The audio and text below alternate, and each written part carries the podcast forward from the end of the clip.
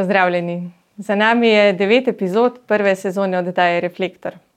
Začelo se je tik pred Božičem z enim zum sestankom, ko še nismo vedeli, kam nas bodo ti sestanki pripeljali.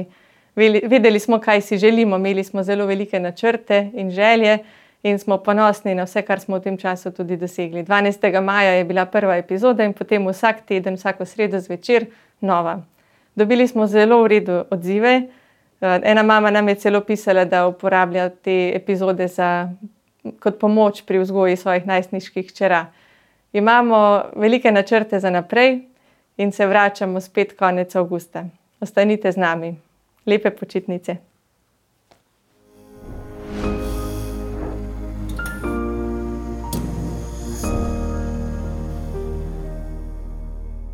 Najn zakon je najn prvi otrok in zanj moramo v prvi meri skrbeti. To se mi zdi res en pomemben vidik, na katerega zakonci pogosto pozabljajo ali pa pozabljamo. Namreč, ko dobimo otroka, otroke, se seveda močno skoncentriramo na njih, celotno naše življenje se spremeni.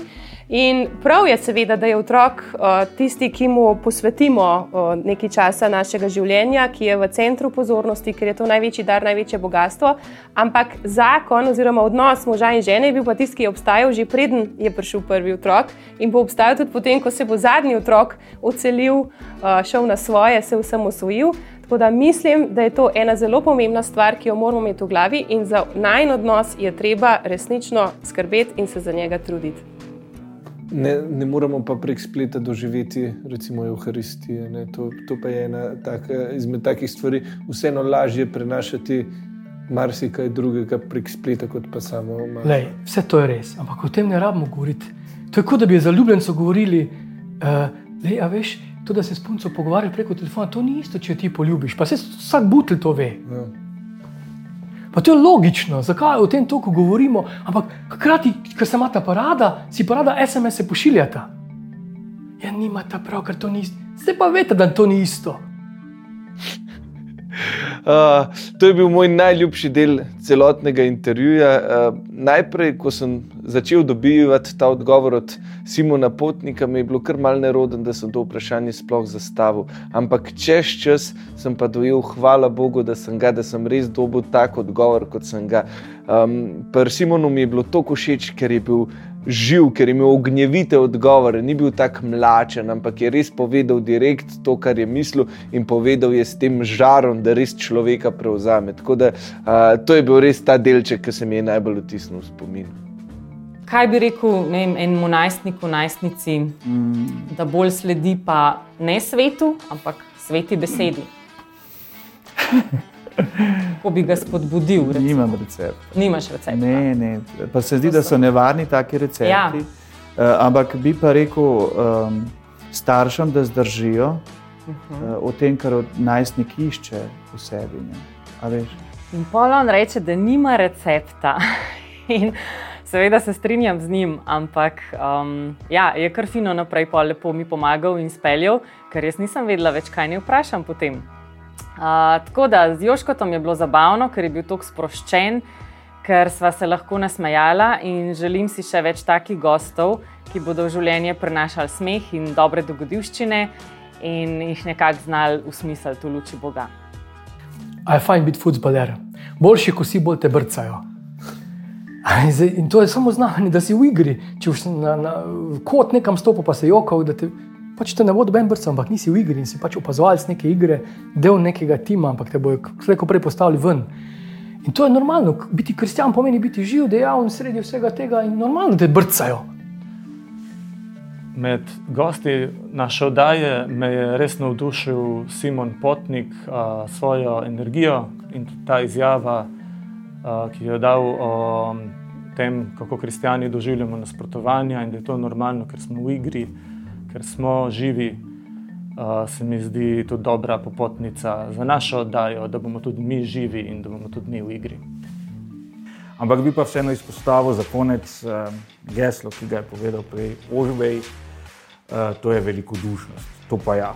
Mislim, da bi morali začeti seveda pri sebi, jaz smo začeti pri sebi in biti bolj velikodušni v tem smislu, da ne skočimo na vsako napako bližnjega in da to napako potem do skrajnosti poudarimo in vrtamo po njegovi rani, dokler eh, ne znori od bolečin. Mislim, da se to zdaj trenutno res dogaja.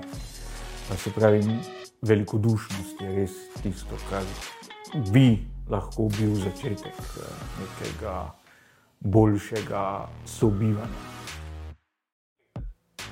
Velikodušnost, ki jo je izpostavil Aleš, eh, me v tem pogovoru spomnila na to, da pozabljamo v razpravi o, naš, o naši skupnosti Sloveniji na neke bolj vzvišene uh, vrednote ali pa vzvišene načine sobivanja. Velikodušnost, kašna beseda. Ne? Uh, in da smo v razpravi, ki je bila v, takšna bolj družbeno-politična, uporabili to besedo, čeprav na koncu in čeprav smo z njo nekako zaokrožili, to se mi je zdelo čudovito in čudovita popotnica tudi ob praznovanju naše obletnice. Pomembno je, da imaš ob sebi ljudi, ki te imajo radi in da tudi delaš na tem. Tudi jaz, kot duhovnik, da me ni, da me ni sram priznati, da potrebujem nekoga, ki mi kdaj pa kdaj pove, da me ima rad, da me tudi kdaj kdo objame, da mi da eno bližino, pač normalno, kot za duhovnika. Kot je Peter Pučnik povedal, pomembno je, da imamo ob sebi ljudi, ki nas imajo radi in da tudi delamo na tem. Kaj nam pomaga, da imamo ob sebi kupico ljudi, ki so z nami takrat, ko je veselje, takrat, ko pa malo zaškripa, pa jih ni. Zato je treba celo življenje iskati ljudi, na katere se lahko zaneseš, tako delam tudi jaz, in pa z njimi graditi en bolj globlji odnos. Zdaj, ena pozitivna plat, en recimo, nek potencialni pozitivni iztek, ko se pa lahko zgodi iz te korona krize, je pa to, da se začnejo vzpostavljati neke nove povezave, neke nove mednarodne povezave. Recimo s takimi državami, kot so Kitajska, ko so do zdaj še zelo tako hermetično zaprte, ampak vsem pa lahko vidim, tako ko gledam ne vem, seznam nedavnih spletnih konferenc, da obstaja neka težnja potem, da se povezujejo evropski in ameriški akademiki na eni strani s kitajskimi akademiki na drugi. S tem se popolnoma strinjam in zanimivo mi je to pri tej Aljoševi misli, da to, kar nas pravzaprav zapira, kar nas je zaprlo ta virus, da nas lahko odpre recimo, v nove povezave in z drugimi kulturami in civilizacijami, kitajsko, vem, rusko, uh, in da se v bistvu povezujemo prek tega, kar imamo v bistvu za nekaj, kar nas je oddaljilo drug od drugega. Pripravite se na en precej udaren uh, citat.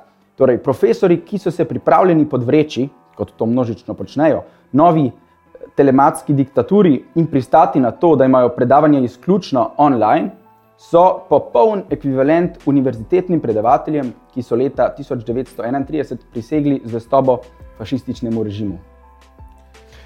Ta misel na začetku me je totalno šokirala in ne morem se strinjati z njo. Vsej študenti smo s korona krizo in preselitvijo vsega na splet marsikaj izgubili, marsičemu smo se mogli odpovedati, pretrpeti, ampak ni šanse, da bi lahko to primerjali s fašističnim režimom.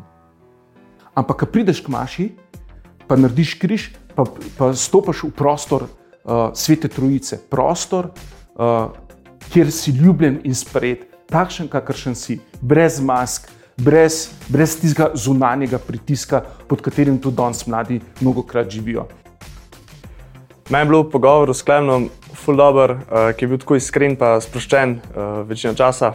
Malo smo žučni na začetku, ampak pa je začel on govoriti in je debata stekla. In, je bilo samo ful dobr. Eh, zelo mi je bilo všeč le na vrhuncu tega pogovora, ki je narejen tak sprehod skozi sveto mašo in zelo v smislu v bistvu um, tudi obhajanje bogoslužja, um, predvsem za mlade.